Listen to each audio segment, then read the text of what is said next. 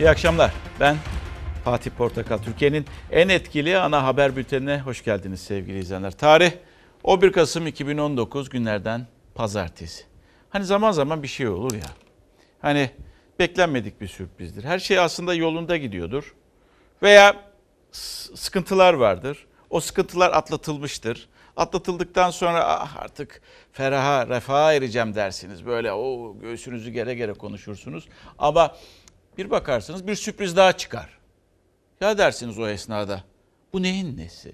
Bu neyin nesi? Bu akşamki tabela. Birçok konu için uyarlayabiliriz biz bunu. Mesela Anıtkabir'de o saygısız tipler için uygulayabiliriz. E, saygı durulması gereken yerde bağıranlar için uygulayabiliriz veya söyleyebiliriz onu. Veya e, birazdan çok da geciktirmeden o zaman o habere gidelim. Hemen Buna da uygulayabilirsiniz aslında. Biliyorsunuz ABD ziyareti artık başlıyor. Yarın e, partili Cumhurbaşkanı Recep Tayyip Erdoğan yola çıkacak. 12'si 13'ünde o çok beklenen ziyaret olacak. İkiliye sorular hem baş başa görülecek, görüşecekler hem heyetler görüşecek hem sonrasında da bildiğimiz kadarıyla ortak bir e, basın açıklaması da yapılacak. Tabii sorular da alınacak. Soru cevaplar da sorular sorulacak, cevaplar alınacak. Ancak şimdi her şey böyle iyi giderken bu neyin nesi?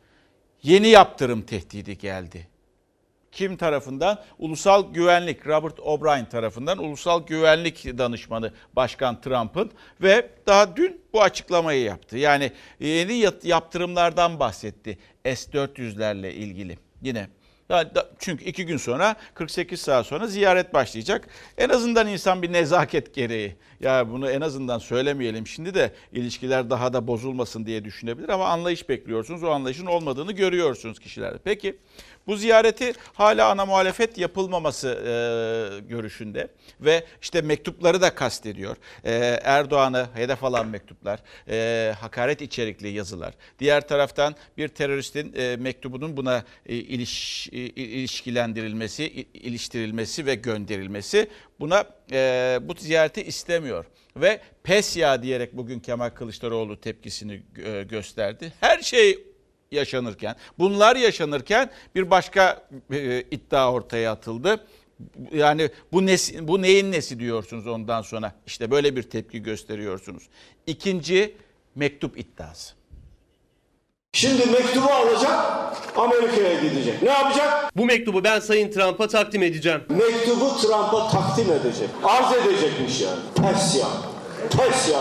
Cumhurbaşkanı'nın Amerika ziyaretine iki gün kala eleştirilerinin dozu yine sertti Kılıçdaroğlu'nun. Hem gençlerle buluşmasında konuştu hem de Sözcü gazetesine. Mektubu kendisine takdim edeceğim diyor. Takdim diyerek otomatikman Trump benden üstün, Amerika bizden, Türkiye'den üstün bir toplum diyor. Sen Türkiye Cumhuriyeti'nin itibarını, şerefini, onurunu ayaklar altına alamazsın. Alıyorsan o koltuğu bırakacaksın kardeşim. İneceksin yüz yüze yapmamızın çok daha isabetli olacağı fikrinde mutabık kaldık. Cumhurbaşkanı Erdoğan'la Trump görüşmesinde çokça başlık var. Temsilciler Meclisi'nde kabul edilen sözde Ermeni soykırımıyla yaptırım tasarıları da. Erdoğan Amerika gitmesine sayılı günler kala Trump'ın Ankara'ya ikinci bir mektup gönderdiği iddiası atıldı ortaya. CHP de gündeme getirdi o iddiayı. Trump'ın Erdoğan'a S-400'lerle ilgili yeni bir tehdit mektubu gönderdiği söyleniyor. Bu doğru mudur? CHP sözcüsü Trump'ın Erdoğan'a ikinci mektupta S-400 kullanımına karşı yaptırım tehdidinde bulunduğu iddiasını dillendirdi. Trump'ın ulusal güvenlik danışmanından da eş zamanlı çarpıcı bir açıklama geldi. Türkiye eğer S-400'lerden kurtulmazsa büyük olasılıkla yaptırımlara maruz kalacak. Bunu Cumhurbaşkanı Erdoğan'a net olarak ilettik. Biz S-400'ü aldık. Bu iş bitti. Cumhurbaşkanı Erdoğan S-400'den geri adım atılmayacağını her fırsatta dile getiriyor ancak Washington'da tepkisini sürdürüyor. Trump'ın ulusal güvenlik danışmanı Robert Robert O'Brien Türkiye'yi S-400 alımına karşı yaptırımla tehdit etti. Trump görüşmesi öncesi. NATO'da S-400'e yer yok. NATO'da etkili bir Rus askeri siparişine yer olamaz. Bu mesaj Cumhurbaşkanı Washington'a geldiğinde de başkan tarafından net bir biçimde iletilecek. Amerika'dan da biz şartlar uygun olması halinde Patriot alabiliriz. Bunu da kendilerine teklif ettik. Bu seyahatten hiçbir şey çıkmaz. Ankara'nın Trump görüşmesinden beklentisi büyük. Krizlerin yüz yüze aşılabileceği düşünülüyor. Ama CHP liderine göre Washington temasından bir sonuç çıkmayacak. Trump'ın yazdığı mektup. Ben rahatsız oluyorum, beyefendi rahatsız olmuyor. Ben üzülüyorum, o üzülüyor. Kılıçdaroğlu Trump'ın mektubu iade edilmeden, tehditlere yanıt verilmeden Erdoğan'ın Amerika'ya gitmesi Türkiye'nin aşağılanmasını kabul etmektir diyor. Yazılan mektuba eğer bir tepki gösterilmiyorsa bilin ki o kişinin verilemeyecek hesabı vardır. O hesabın altında eziliyor ve teslim alınmış. Bu arada ikinci mektup iddiasında Ragıp Soylu gazeteci e, iddiası o yönde ve içindeki bazı başlıkları da e, paylaşıyor. O, o paylaştıkları arasında da işte S-400'lerin Türkiye'de e, aktif hale getirilmemesinin istendiğini iddia ediyor gazeteci. Sonrasında ABD'liler gelecek, onu onları kontrol edebilecek diye bir iddiası var. Bu ikinci mektupta o söyleniyor. Geçen hafta gelmiş sözüm ona. Ee, bilemiyoruz. Ee, diğeri de e, başka Rus sila- Rus silahları alınmayacak iddiasında. Tabii ister istemez durum böyle olunca ne yaparsınız? Adresine müracaatta bulunursunuz. Saraya müracaatta bulunduk. Ee, arkadaşlarımız en azından yetkililerden böyle bir mektup iddiası var. Sizler doğrulayacak mısınız, yalanlayacak mısınız? Şu ana kadar yalanlama gelmedi. Doğru olarak kabul ediyoruz biz de. Yalanlama gelmediği için. En azından insanlar nezaketen bir gazeteci kimliğiyle telefon açılmış. E, nezaketen cevap verilir. Yani doğru değildir veya doğrudur diye. Yalanlama da gelmediğine göre doğru olma ihtimali yüksek sevgili izleyenler. E, tabii e, detaylarını da e, önümüzdeki günlerde herhalde paylaşacaklar e, bizi yönetenler. İşte burada önemli olan ne biliyor musunuz? Çok önemli. Hani vardır ya hep bahsedilir. Sarı öküz misali. O sarı öküzü verdiğiniz zaman her şeyi vermek zorunda kalırsınız. O rahip verildi ya. Rahip verildi ya. Ee, rahip Brunson. Brunson verildi ya. Ondan sonra tarafsız, yargısız e, adalet e, yargımız iddialarıyla gündeme geldik. Ondan sonra da dikkat ederseniz tehditler artık peş peşe gelmeye başladı. O, o sarı öküz verilmeyecekti. Mecazi anlamda kullanılır ya bizde. Maalesef o verildikten sonra her şey verilmeye devam ediliyor. Şimdi çok enteresan gelişmeler var. İçişleri Bakanı hafta sonu söylemişti. Hafta sonuna girmeden önce artık biz e, bu haftadan itibaren işitleri, yabancı uyrukluları biz yurt dışına, ülkelerine göndereceğiz diye. Enteresan bir fotoğraf karesi var. Onu paylaşayım ben sizlerle. Çok enteresan. Amerika e, vatan, Amerikan vatandaşı kendisi, işit üyesi. Türkiye'de dediğini yaptı. Edirne'den gönderdi. Nereye gönderdi? Yunanistan'a. Bizim sınırdan çıktı. Arada bir bölüm var. Karşı kapı Yunanistan e, kapısı. Tarafsız bölge. Şimdi biz gönderdik işitliği. Yunanistan da kabul etmiyor. Adam tarafsız bölgede kaldı. Arafta kaldı terörist. Ha böyle arada kalıyor. Şu anda hala da arkadaşlarımız sordu. Biz de, biz dediğimizi yaptık. Göndereceğiz dedik. Önümüzdeki günlerde de gidecek Avrupa'ya işitliler. Ülkelerine iade edilecekler. Ve Yunanistan da kabul etmiyor. Bu şekilde burada kendisi kaldı. Bir e, yani bir önemli gelişme daha var. Bu da çok çok önemli. E, Şu an için sır ölüm dedik ama bakınız kendisi James Le Mesur e, eski İngiliz istihbarat görevlisi ve e, Suriye'de de Suriye'de de aslında e, bu beyaz miğferliler var. Beyaz miğferlileri organize eden kişi. E, İstanbul'da yaşıyor. Eski istihbarat görevlisi İngiliz. Eşiyle birlikte İstanbul'da yaşıyor. Bu sabah e, cesedi bulundu. Cansız bedeni bulundu ev- evinin önünde. Ama e, e, nasıl o, o cansız bedeni e, kendimi nasıl ifade edilir o? Yani öldü mü öldürüldü mü bilinmiyor. Net cümle bu. Öldü mü öldürüldü mü bilmiyor, bilinmiyor.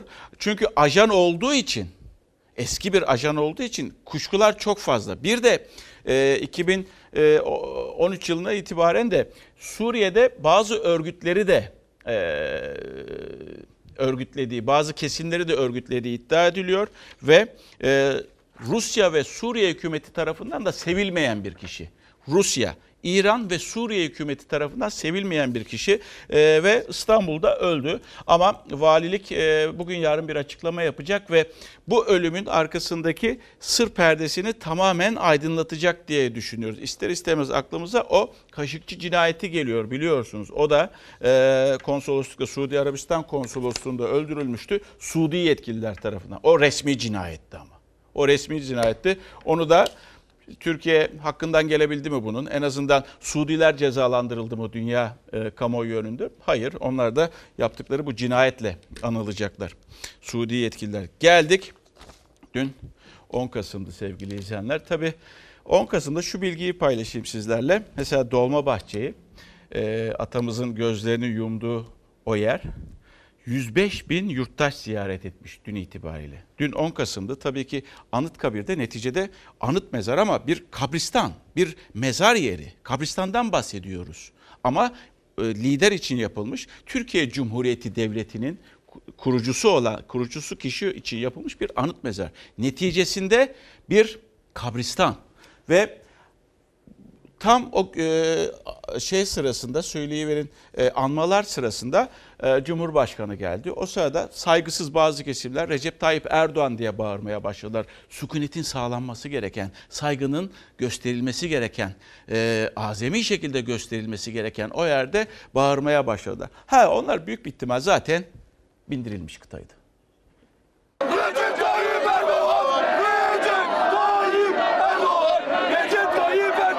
Bazı bindirilmiş kıtalarında Anıtkabir'e daha önceden alınıp bir partinin mitingindeymiş gibi sloganlar attıklarını gördük. Atatürk'ün manevi huzurunda yapılan bu saygısızlığı kınıyoruz.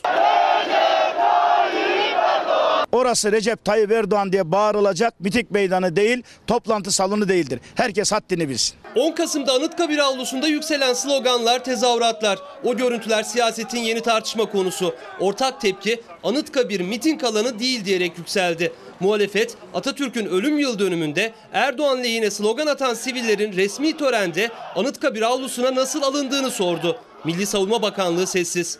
Bu densizler kimdir? Oraya nasıl sokulmuşlardır? Milli Savunma Bakanlığı ve Anıtkabir yöneticilerinin açıklama yapmalarını bekliyoruz. Aslında yeni değil. Son birkaç yıldır resmi törenlere siviller de alınıyor ama önceden belirlenen kişiler. Dışarıda binlerce kişi Anıtkabir'e girebilmek için resmi törenlerin bitmesini beklerken bir grup avluda elinde Türk bayraklarıyla askerlerin yanında törene katılıyorlar. En son 29 Ekim'de de oradaydılar. 10 Kasım'da da avludaki görüntü aynıydı. Atatürk'ün ölüm yıl dönümünde Cumhurbaşkanı Erdoğan Misak-ı Milli Kulesi'nden çıkarken sloganlarla karşılandı ve o görüntüler büyük ses getirdi.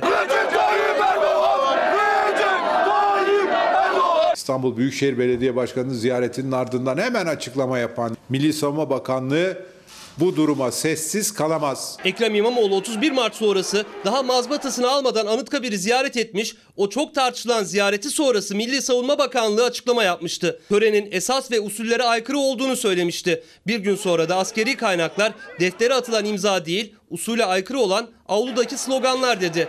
CHP 10 Kasım'daki sloganlar için de açıklama bekliyor. getirdiği aktroller ve yandaşlara Tayyip Erdoğan sloganları attırmak suretiyle akıllarınca Cumhuriyet'ten ve Atatürk'ten intikam almak, küçük düşürmek yaklaşımı içindeler. Kapılarda bir sürü insanımız tören bitsin diye bekletilirken bindirilmiş kıtaların gelip o sloganı attıktan sonra hiçbir şekilde Atatürk'ün mozelesine uğramadan oradan ayrılmasını da gözlemlemiş bir insanım. Anıtkabir avlusunda slogan atanların büyük bölümü Cumhurbaşkanı'ndan hemen sonra Anıtkabir'den ayrılıyor. Mozaleyi ziyaret etmeden. Bunu artık il, ilçe teşkilatı mı gönderdi bunları? İl teşkilatı mı gönderdi onu bilmiyoruz. Ama tabii öğretmek gerekiyor bu arkadaşlarımıza, yurttaşlarımıza. Yani orası bir mezarlık. Gidip siz e, mezarlıkta bağırır mısınız veya slogan atar mısınız? Atmazsınız. Yapılmaz. Çünkü orada ölüye saygısızlıktır o. Ama tabii gönderilince ister istemez maksadı da bilmedikleri için bu şekilde bağırıyorlar. Saygısızlıkta bulunuyorlar. O onların ayıbı. Ondan sonra şey diyorlar gelin mozoleye girin diyorlar. Bunlar mozoleye de girmiyor. Biliyor musunuz? Öyle bir şey var. Ee, bilgi var. Sadece bunlar doldurulmuş. Gidin oraya bağırın. Gelin ondan sonra demiş kim gönderdiyse. Ha Sayın Erdoğan haberi var mıdır yok mudur bilmiyorum. Ha varsa ayrı mesele. Yoksa zaten Erdoğan'a ve partiye zarar veriyorsunuz. Bu yaptığınız sevimsizlikle açıkçası. Şimdi o partiden bir isim var. e, AKP'den Ahmet Hamdi Çamlı biliyorsunuz. Yeliz Takma ismiyle de tanıyoruz onu. o da nereden bulmuştur yani enteresan. Şimdi mesela 10 Kasım'la ilgili şöyle bir paylaşımı var. Yani bakın Gazi Mustafa Kemal Atatürk'ü sevmeyebilirsiniz. En doğal hakkınız. Ama yaptıklarına en azından saygı göstermek zorundasınız. Bugün şu tweet'i atmanız bile, şu paylaşımı yapmanız bile dün onun sayesinde aslında oluyor. Farkında değilsiniz. Yani ekmeğini yiyorsunuz. Bu ülkenin ekmeğini yiyorsunuz. Farkında değilsiniz. Şöyle demiş Ahmet Hamdi Bey. İzmir Marşı çalınırken bir anda kapatılıp AKP Genel Başkanı ve Cumhurbaşkanı Tayyip Erdoğan'ın seçi- seçim şarkısının çalındığı videoyu yayımlıyor. Ve AKP'li vekil Ahmet Hamdi Çamlı şunu diyor. İzmir'in dağlarında açan çiçeklerimizi 3-5 çamuriyetçiye, çamuriyetçiye ezdirmeyeceğiz. Yani ne demekse artık bu da bir kelime oyunu yaptığını zannediyor beyefendi. Yani dedim ya işte bu saygısızlığı yapmasanız çok iyi olur. Ha bir görgü meselesi tabii bu. Yani bu bir görgü meselesi diyecek bir şey de yok sizlere aslında. Geldik. Ha e, Sayın Cumhurbaşkanı'nın Atatürk sevgisi var mıdır? Yani tabii ki kafasının içerisine girmedim bilemiyorum ama ben olduğunu tahmin etmiyorum. Ha, ama saygı göstermeye başladı artık. En azından lidere, Türkiye Cumhuriyeti Devleti'nin liderine saygı göstermeye başladı. Çok çok önemli. Önümüzdeki günlerde ve yıllarda partisinin diğer üyelerinden de aynı şeyleri bekliyoruz. İşte bakın 10 Kasım'da enteresan cümleler kurdu. Sizler de duyacaksınız. Yani 10 Kasım'da bunlar edilmesi gereken cümleler mi veya kurulması gereken cümleler mi? Daha büyük sorunlarımız, daha büyük dertlerimiz var. Zamanı mı bunları tartışmak için diye aslında böyle kafanızda yorumlarken o sözleri Sayın Erdoğan'dan duyduğunuz için tuhaf sözleri şaşırmıyorsunuz. Cumhuriyetimizi Osmanlı'dan kurtarabildiğimiz miras üzerinde kurduk. Elbette Osmanlı bizim tarihimizin bir parçasıdır. Cumhuriyetimiz ise Osmanlı'nın son 200 yılındaki çürüme ve çöküşüne milletimizin bulduğu çarenin adıdır. Kök olmazsa ağaç olur mu? Türkiye Cumhuriyeti Devleti de bizimdir. Osmanlı da bizimdir.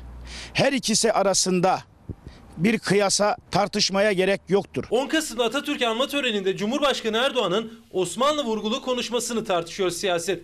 CHP neden diye sordu. Gazi Mustafa Kemal Samsun'a bir Osmanlı subayı olarak çıkmış. Ankara'daki meclisi yine Osmanlı adına faaliyete geçirmiştir. Atatürk'e anma toplantısındasınız. Böyle bir uyarı yapma ihtiyacını nereden duyuyorsunuz? Toplumun belli bir kesimini bu yolla, Osmanlıcılıkla, e, dindarlık demiyorum, dincilikle konsolide etme hesapları yapıyor. Cumhuriyetin inşası da Osmanlı'dan devralınan mevcut idari sistem üzerinde gerçekleştirilmiştir. Atatürk'ün nutukta Osmanlı ile ilgili, padişahla ilgili söyledikleri ortada. Okursa tutulan nutku da açılacaktır. Osmanlı toplumunda Balkan Savaşları ile başlayan Birinci Dünya Savaşı ve İstiklal Harbi ile devam eden süreçte maalesef bu okur yazar nüfusumuzun büyük bir kısmını kaybettik. Cumhurbaşkanı Erdoğan Cumhuriyet'in ilk yıllarında okuryazar oranı düşüklüğünü de savaştaki ölümlere bağladı. Harf inkılabıyla sıfırlandı dedi.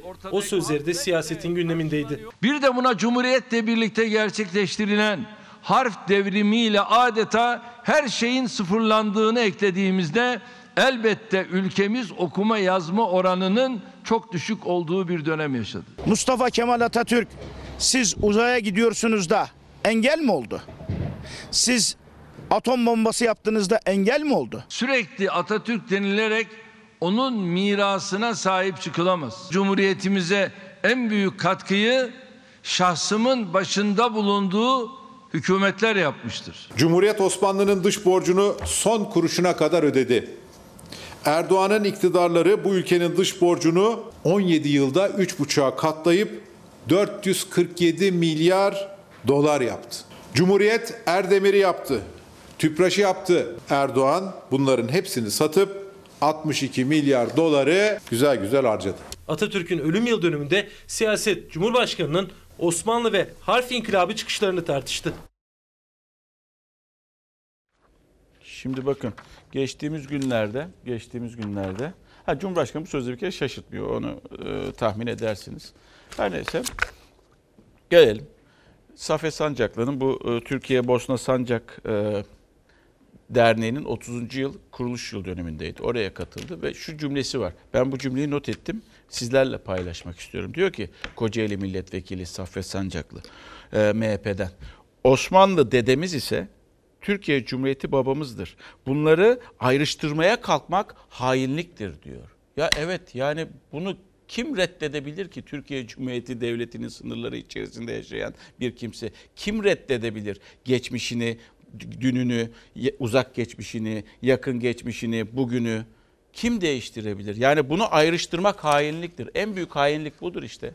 İnsanların aklına bunları sokuyorsunuz. Bu ayrıştırıcı fikirleri sokuyorsunuz. Bu neden yapıyorsunuz? Niçin yapıyorsunuz bunu? Bak ülkede ekonomik sıkıntı var.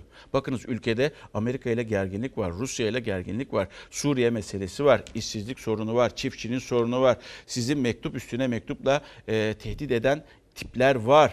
Ülke içerisinde birlik sağlamak gerekirken, iş cepheyi kuvvetli kılmak gerekirken neden bu ayrıştırıcı cümleleri kuruyorsunuz? Niçin yapıyorsunuz? Amacınız nedir? Buna da cevap veremiyorsunuz. Ne gerek var bunlara ya? Bizim daha önemli sorunlarımız var. Bak vatandaşın bir tanesi de bu soruyu sormuş. Bu sorunun cevabını da verin lütfen. Verebiliyorsanız.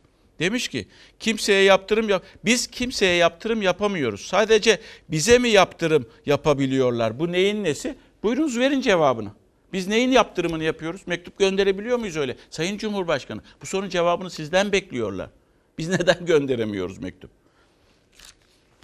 Geldik. Bir başka tartışma. İşte bu tartışmada e, temel atmadan çıktı, yeşil ağaçlardan çıktı ve tartışma tabii ki başladı. Biliyorsunuz bugün 11-11-2019 11 milyon fidan dikilecek ve bugünün bir özelliği var. Bugünü de Milli Ağaçlandırma Günü olarak ilan ettik. Güzel bir şey bu. En azından yani e, gelecek nesillere daha yeşil, daha oksijeni bol bir Türkiye coğrafyası bırakabiliriz. Bu bizi yönetenlerin de görevleri, bizlerin de görevleri. Ve işte bugün ağaçlar dikilirken e, tabii ister istemez söz yine ağaçlardan siyasete bir şekilde getiriliyor ve e, Cumhurbaşkanı şu cümleyi kurdu. Temel atmaya yabancılar dedi. E, Cumhuriyet Halk Partisi'nin e, İBB e, Büyükşehir Belediye Başkanı yani İstanbul Büyükşehir Belediye Başkanı Ekrem İmamoğlu. Çünkü Ekrem İmamoğlu geçtiğimiz günlerde 1,5 milyar liralık bir projeyi AKP'den devraldığı bir projeyi bir arıtma tesisiydi. E, biyolojik arıtma tesisiydi. iptal ettirdi. Ve dedi ben bunun temelini atmıyorum.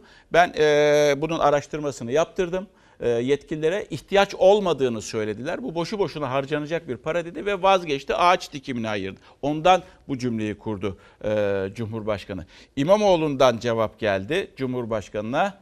O imza atmamasından dolayı da Erdoğan da mutlu olacak dedi bu karardan. Bu tesise ihtiyaç yok. Şu gaflete bakın. Temel atmama töreni yapıyor. Bunlar temel atma ve açılış töreni gibi işlere zaten yabancılar. Sıkı bir e, basın açıklaması yaptık. Ben tahmin ediyorum e, Sayın Cumhurbaşkanı o basın açıklamamızı okuduğunda bize çok teşekkür edecektir. Erdoğan'ın sert sözlerle eleştirdiği Ekrem İmamoğlu imalı bir yanıt verdi, teşekkür bekledi. İstanbul Büyükşehir Belediye Meclisi'nde ise sözler çok daha sertti. AK Parti ile CHP arasında temel atmama tartışması yaşandı. Temel atmıyorum diyerek tören yapıyorsunuz. Doğru. Çünkü 6 aydır atacağınız bir tane temeliniz olmadı. Ha 90 metre kreş temel attınız. Ve bakın Arkadaşlar, kimse. Otur ya. Arkadaşlar İBB Kasım ayı Meclisi İstanbul Büyükşehir Belediye Başkanı Ekrem İmamoğlu başkanlığında toplandı. Gündem hareketli ve sıcak. Öyle ki İstanbul Cumhurbaşkanı Erdoğan'ın da gündeminde. Aslında bu yaklaşımın adı İstanbul'u gelecekte yeniden kokuya, pisliğe, perişanlığa mahkum etmektir. İhtiyaç yok dedikleri proje işte böyle bir proje. orada 70 bin metrenin üzerinde 2000'e yakın ağacın içinde belki de kendi eliyle diktiği ağaçlar da vardır. 30 yıllık, 20 yıllık, 25 yıllık. Onların da kurtulduğuna mutlu olacaktır. Orada Tartışmanın fitilini ateşleyen adımı geçen hafta Ekrem İmamoğlu attı. Önceki yönetim zamanında planlanan atık su arıtma tesisine ilişkin projeyi iptal etti. O iptali de temel atmama töreni ismini koyduğu bir açıklamayla duyurdu. İptal kararını ve temel atmama başlığını eleştirdi Erdoğan. Tabii hizmet bir vizyon ve nasip meselesidir. Milletimiz bütün bunları görüyor, takip ediyor. Zihninde ve kalbinde de not ediyor. İnşallah vakti saati geldiğinde hepsinin de hesabını birer birer soracaktır. Orada derin bir teknik açıklama var. İstanbul halkına neredeyse 1.6 katrilyonluk yanlış yatırımın önünü keserek e, doğru noktalarda doğru yatırım yapacak bir yönetim olma marifetiyle yolumuza devam ediyoruz. İmamoğlu bu açıklamayı İstanbul Büyükşehir Belediye Meclisi toplantısına girerken yaptı. Toplantıda da gündem aynıydı. AK Partili Tevfik Göksu'nun sözlerinin ardından tansiyon yükseldi. İstanbullulara bir buçuk milyar kazandırdım diyor. Projenin maliyeti proje ya ne kadar çok konuşuyorsun hanımefendi siz. Arkadaş, Tevfik Bey, üzüntü verici tarafı bu yeri yanlıştır. Maliyeti alınan fiyatlara göre 1.1 milyar liradır. 600 milyon değil. Yanlışlarınızı düzelteyim. Ya bir müsaade eder misiniz arkadaş? Niye bağırıyorsun? Ya niye bağırarak konuşuyorsun? Bir sakin ol ya. Kim dedi onu sen ne bağırıyorsun ben anlamadım. Bağırmıyorum ben meclis başkanıyım. Bir haddini bil sakin ol. Elini de indir sakin ol. Haddini bil. Haddini bil. İki. Haddini bildiririm sana haddini bil. Sakin ol. Elini indir elini indir. Tabii önümüzdeki günler gösterecek Ee, bu projenin iptal edilip edilmemesi, iptal edilmesi mi gerekiyordu, gerekiyordu, iptal edilmese daha mı iyi olurdu, iyi olurdu bunu zaman gösterecek bizlere. Ama tartışmalar, e, seviyesizce tartışmaları ve e, siyasetçilerin e, kameralar önünde gerçek yüzleri belki de böyle bilmiyoruz. Belki de gerçek yüzleri böyle. Onları nasıl olduklarını izliyoruz ibretle sevgili izleyenler. Bakın ibretlik bir haber. İbret demişken Canan Kaftancıoğlu biliyorsunuz İstanbul İl Başkanı e, CHP'nin e, ve e, İmamoğlu ile birlikte e, epey bir mücadele vermişlerdi. E, İçişleri Bakanlığı'ndan bir yazı gitti geçen gün iki gün önce elden tebligat ve e, resmi korumaları kaldırıldı.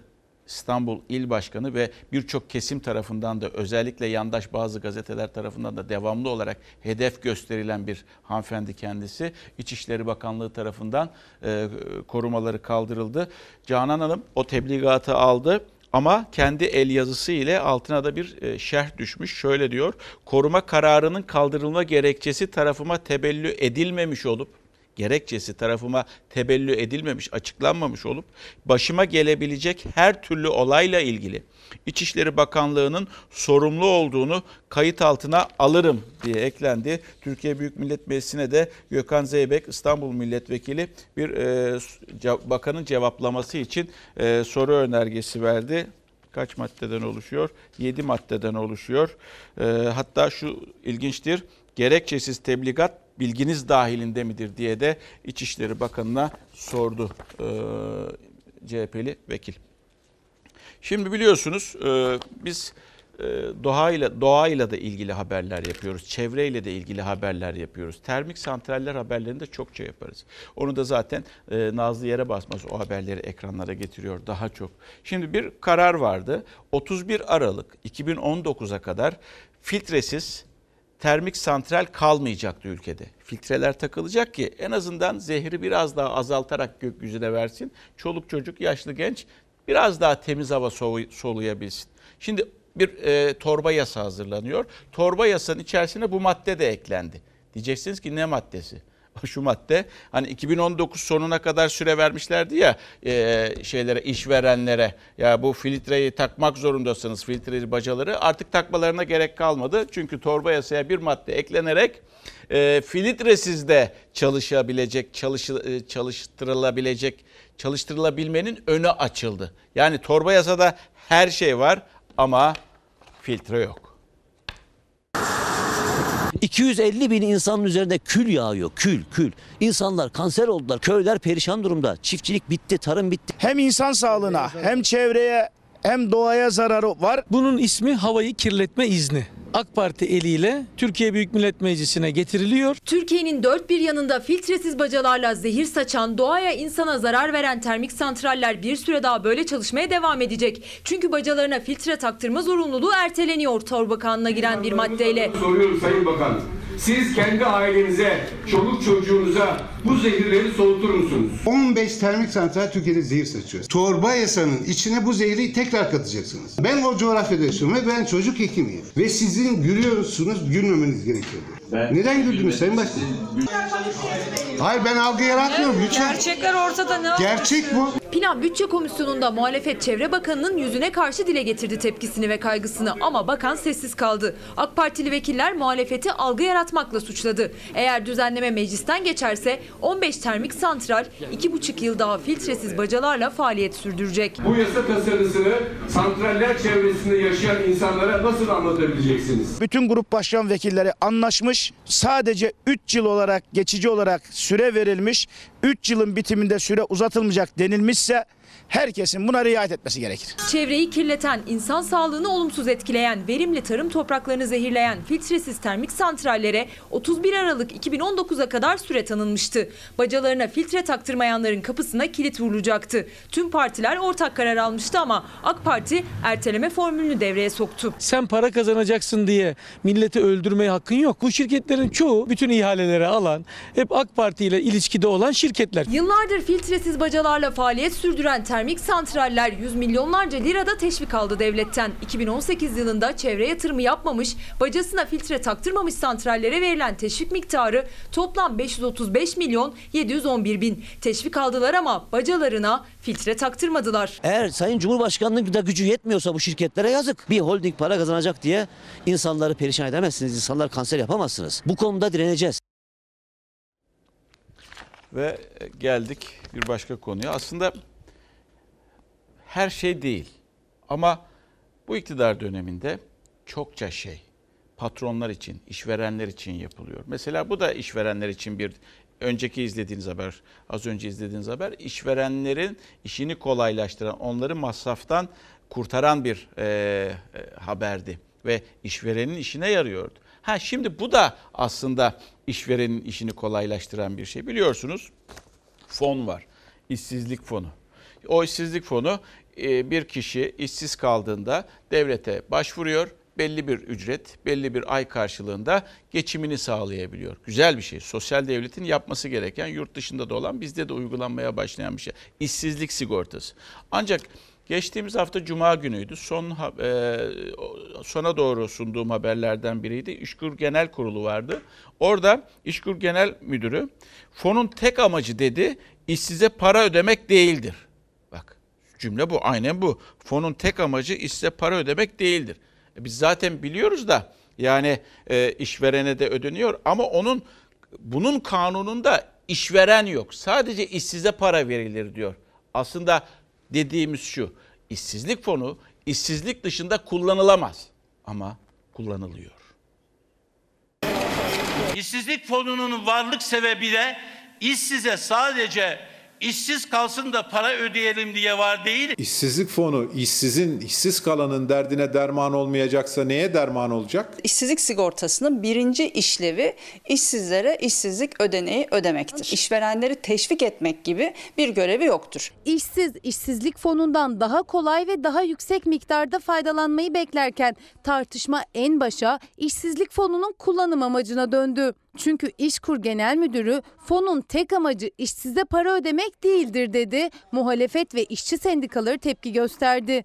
DİSK Genel Başkanı Arzu Çerkezoğlu fonun kurulma ve kullanım amacını yasayla tek tek anlattı. Ama yasal olarak mümkün olmasa da 2018 yılında ve 2019 yılının ilk 9 ayında başka amaçlar için de kullanıldı fondaki para. Fonun giderlerinin yarısından fazlasının işverenlere teşvik adı altında ödendiğini görüyoruz. 2019 yılı fonun 9 aylık giderlerine baktığımızda toplam 26.8 milyar lira ödeme yapmış fon.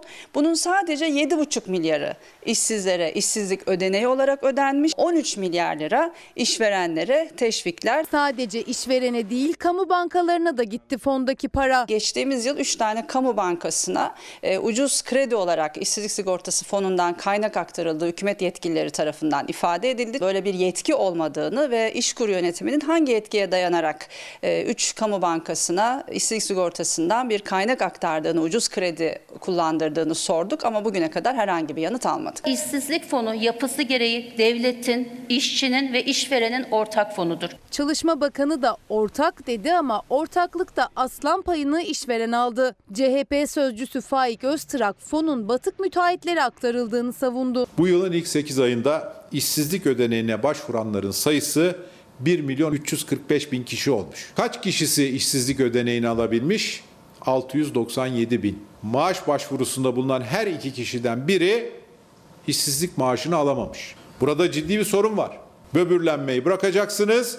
Buradaki sorunu çözeceksiniz. İşsizlik fonu havuz müteahhitlerinin devletten alamadıkları paraları fondan karşılanması için kullanılmamalıdır. Maalesef o şekilde kullanılıyor. Yakında da bir başka fon üzerinde e, çalışmalar var. Esnaf fonu, işsiz esnaf fonu. Onda da e, amaç e, sıcak paranın olduğu o fondaki parayı kullanabilmek. O da büyük bir ihtimalle yani başka başka yerlere kullanılacak. Belki de işverenlere kullanılacak vesaire. Ama en azından yani yazılı kanunu, ilgili kanun ne diyorsa ona uyun. Sizler kanuna uymadığınız zaman ister istemez karşıdaki yurttaştan uymasını da bekleyemezsiniz. Sorarlar size. E sen uymuyorsun ki arkadaş ben neden uyuyayım diye. O yüzden burası e, Teksas değil. Burası Türkiye Cumhuriyeti Devleti. Bir anayasamız var. Anayasa. E, hukuk devleti olduğunu söylüyoruz iddialara göre. Ve yasalarımız var, kanunlarımız var. Onlara göre hayatımızı idame ettiriyoruz, yaşantımızı. Sizler eğer uyacak olursanız vatandaş zaten uymak zorunda kalır. Bir mesaj Fatih Bey, Tarım Bakanlığı'na 30 aydır atama yapılmıyor. Gıda, ziraat ve veterinerler mağdur. Lütfen sesimizi duyurun demiş Tarım Bakanlığı. Geldik. Geldik işsizlik diyeceğiz şimdi. Biliyorsunuz enflasyonda şimdi e, enflasyonda bir kağıt, bir kalem yetiyor zaten. Ondan sonra enflasyonun çok yüksek olduğu, yüksek olduğu, canımızı acıtan enflasyon ülkede 8 %8,55 diyerek aslında aklımıza dalga geçtiğini zannediyor yönetenler. Her neyse. Onu bir ayrı tarafa koyduk. Buraya koyduk onu. İşsizlikte de enteresan. Şimdi onu da düşük göstermeye çalışıyorlar. Çünkü lütfen bu haberi iyi izleyiniz. Burada da bir oyun var. Soru oyunu. Lütfen iyi izleyiniz. Kağıt üzerindeki bir sorunun değişimiyle işsizlik oranı 10.7'den 9.8'e düşmüş oluyor. Kağıt üzerinde işsizliği azaltıyoruz ama işsiz sokakta dolaşmaya devam ediyor. Yani ekonomi yazarı İbrahim Kahveci'ye göre ne işsiz sayısı ne de işsizlik oranı gerçeği gösteriyor. Nedeni de TÜİK'in hesap yöntemini değiştirmesi. İş arama süresini 3 ay yerine 4 haftaya düşürüyor. Ama 2 ay önce iş arıyordunuz ama son 4 hafta bir başvurunuz olmadı. O zaman işsiz sayılmıyorsunuz. Sadece bu değişiklik işsizlik sayısında %10 eksilmeye yol açtı. TÜİK Temmuz ayı işsizlik oranını %13,9, genç işsizliği ise %27,1 olarak açıkladı. Var olan rakamlar bile alarm verirken TÜİK'in tıpkı enflasyonu belirlediği yöntem gibi işsizlik oranlarını belirlediği yöntemde tartışılıyor. O sistem 2014 yılında revize edildi. Son 3 ayda iş arayanlar işsiz sayılırken Yeni yöntemde son bir ayda iş arayanlar işsiz sayıldı. Yani kapsam daraltıldı. Bu da var olan işsiz sayısının bir anda azalmasına neden oldu. Ama sadece kağıt üzerinde. 9 yılın toplamındaki işsiz sayısı eski seride 24 milyon 100 bin gözüküyor. Yeni seride 21 milyon 184 bin gözüküyor. Yani 2 milyon 900 bin düşmüş. 2004 yılı istihdam verileri ile devam edilseydi %16'ya yaklaşan bir işsizlik oranıyla karşı karşıya olacaktık. İnşaat mühendisiyim ben. İş bulabilmek için ayrıca işsizlik maaşı ödeneği için başvurdum. İşsizlikle ilgili çarpıcı bir raporu da ana muhalefet açıkladı. İşkur'a iş bulabilmek için 3 milyon 509 bin 603 kişi kayıt yaptırdı. Bunu CHP'nin İşkur raporu söylüyor. Raporun bir diğer çarpıcı başlığıysa 2018'de dakikada 2 kişi işsiz kaldı. İşkur'a kayıtlı işsiz sayısında tüm zamanların rekorunun kırıldığını gözler önüne seren rapora göre her 100 işsizden 21'inin üniversite mezunu ve kayıtlı işsizlerin %82'si kadın ve gençlerden oluşuyor. Elimize bir kağıt veriyorlar bizim. Biz de arıyoruz. Hani bir umutla geliyoruz ama umutlarımız yıkılır, yıkılır olarak evimize geri dönüyoruz. Ben bir senedir iş arıyorum. Bizim eğer bir sorun çözümü gibi irademiz oluşacaksa önce verileri düzgün şekilde açıklamamız gerekiyor. Bu arada e, İstanbulluları ilgilendiriyor. 1 Aralık'tan itibaren suya zam geliyor. Hem merkezi hükümetin zamları var hem belediyelerin zamları var. 1 Aralık'ta %20 suya zam yapılacak. İstanbulluları ilgilendiren bir haberde bu. Ankara'ya gidiyoruz. Ankara'da da bir inşaat, daha doğrusu çalışmayan bir inşaatın işçilerinin başına gelen olay var. Gelen olay var. Taşeron bizi aradı. Ben size yemek parası veya otel parası yatıracağım hesaplarınıza. İBAN, TC adınızı soyadınızı yazın diye. Fakat bizi şikayet etme amacıyla alınmışlar. İki buçuk aydır alamadıkları maaşlarını alacaklarını sanıyorlardı. Geceyi sıcak bir yerde geçireceklerini. Ama tuzak olduğunu bindikleri aracı polis durdurunca anladılar. Sözde biz şantiye kampa gelecektik orada yatacaktık. Bizim yolumuzu çevirdiler karakola götürdüler ifademizi aldılar ve bir günde karakolda kaldık. Sabah 6'da kaldırdılar bizi. Şimdi de 1'e kadar ifade veriyoruz karakolda. Ankara'da bir iş merkezi inşaatında çalışan 30 işçi çalıştıkları şirketin 2,5 aydır paralarını ödemediğini söylüyor. Bir süredir de eylemdeydiler. Hakkımızı istiyoruz hakkımızı vermiyorlar. Alacaklarımızı alsak şurada yani bir an bile durmak istemiyoruz yani. İçeride 2,5 aylık maaşımız var. İddialarına göre 8 Kasım akşamı telefon aldılar bağlı çalıştıkları şirketin sahibinden. Şantiye alanında kalacakları yer olmadığı için yeni bir kamp alanına götürülecekleri söylendi. Bir servis aracına bindirildiler toplu halde. Bizi kampa götüreceklerini söylediler. Polis yolumuzu çevirdi. Özel araçla geldi. Yani şantiyenin sahibinin aracıyla geldi. Karakola götürdüler bizi. İşçilerin hepsi hakkında gözaltı kararı olduğu söylendi. İşçiler o anda kandırıldıklarını anladılar. Geceyi karakolda geçirdiler. Aracağımız var diyorlar yok sizin aracağınız yoktur firmada. Haksızlık olarak karakola getirdiler. Patron bizden şikayetçi olmuş. Maddi manevi zarar vermişiz, ateş yakmışız ama halbuki hiçbir şey yapmadık. Serbest kalan işçiler yeni haftada soluğu şirket binası önünde aldı. Polis bu kez de açıklama yapmalarına izin vermedi. Eylemin yapılacağı yerin karşısında emniyete ait bir bina olduğu gerekçesiyle habercilere de müdahale etti. Hatta gazeteciler için gözaltı emri verdi. Normal röportaj yapıyorum. Niye bu kadar şey yaptın? Hemşerim burada yapma ya. Tamam, tamam ya. Sakin olun ya. Niye şiddet niye yapıyorsun? Kapat kamerayı ya. Ne yapıyorsun? Kapat kamerayı. Ya ne yapıyorsun? ya. Alın bu. Ne yapıyorsun? kamerayı ya. Bir dakika niye var? Ne yapıyorsun kamerayı? Neyin röportajını yapıyorsun? Ya size ne haber yeri var ve röportaj yapıyorsun. Sen karar veremezsin ki. İşçiler o anda sesini şirket sahiplerine duyuramadı belki ama Fox Haber engellemelere rağmen işçilerin sesini duyabildi. Gerçekten iyi ki arkadaşlarımız var. Muhabir, kameraman arkadaşlarımız var. Cesaretli arkadaşlarımız var. Hemen al al al götür. Ya zaten meclisteki o maganda, mecliste bir maganda vardı geçtiğimiz hafta biliyorsunuz. Fuat Oktay'ın e, protokol müdürü olan kişi. Zaten balık baştan kokar derler. Siz bir mesleği icra edene saygı gösterirseniz dışarıdaki insanlar da saygı gösterir. Çünkü herkes haberleri izliyor. Çünkü iletişim çağındayız artık. Gazetecinin nasıl örselendiğini, nasıl itilip kakıldığını herkes görüyor. Mecliste de aynısını yapmaya kalktılar. Biliyorsunuz ki arkadaşlarımız girdi araya da engelledik ve işte diğer taraftan da bugün haber yapmak isteyen arkadaşlar da al bunları al al al kamerayı engellemeler vesaire. İşte esas gazeteciye bunlar yapılacağına bunun aydınlanması gerekiyor. Bu olayın toplum olarak aydınlatmak gerekiyor sevgili izleyenler. Yayın yasağı vardı. Meclis Araştırma Komisyonu incelemesi sonrası Rabia Naz dosyasındaki gizlilik kararı kaldırıldı. Şimdi herkes bunu öğrenmek istiyor. Rabia Naz'a ne oldu? Videosunu izliyorum, otopsi videosunu. Adalet neden izletiyor? Neler, neler incelettiriyor? Kızının otopsi anını izlemek zorunda kalan baba gözyaşlarına boğuldu. Meclis Araştırma Komisyonu Rabia Naz'ın şüpheli ölümüyle ilgili gizlilik kararını kaldırdı. Komisyon üyesi Cemal Engin Yurt da dosyadaki çelişkilere dikkat çekti. Şu var. Benim geldiğim az böyle yap. Olay yerine gelen ilk polislerin ifadelerinde bir değişiklik var. Giresun'un Eynesil ilçesinde yaşayan Rabia Naz 11 yaşındaydı. 12 Nisan 2018'de evinin önünde yaralı olarak bulundu. Hastanede hayatını kaybetti. Olay savcılık kayıtlarına yüksekten düşme ya da çatıdan atlama olarak geçti. Rabia Naz değil. Diğer yavrularımız hepsi burada bakın. Diğer yavrularımız için. Çünkü bunlar insanlık suçudur. Baba Şaban Vatan kızının trafik kazasında öldüğünü, bulunduğu yere yaralıyken getirildiğini öne sürdü. Siyasetçilerin olayı kapatmak için devreye girdiğini de Böyle adalet yerin dibine basın. 26 Nisan 2019'da Rabia Naz dosyasına gizlilik kararı getirildi. Şüpheli ölümünü araştırmak için kurulan Meclis Araştırma Komisyonu Eynesil'e gitmeden bir gün önce de küçük kızın tırnaklarında bir erkeğe ait DNA örneğine rastlandı. Elinde nazar boncuklu. Yani ayrıntı belirtti. Tabii nazar boncuklu çanta vardı, maket çantası vardı. 12 kişilik komisyonun ziyaretinden hemen sonra dosya üzerindeki gizlilik kararı kaldırıldı. Komisyonun MHP'li üyesi Cemal Engin Yurt Fox Haber'e konuştu, çarpıcı bilgiler paylaştı. İntihar olmadı.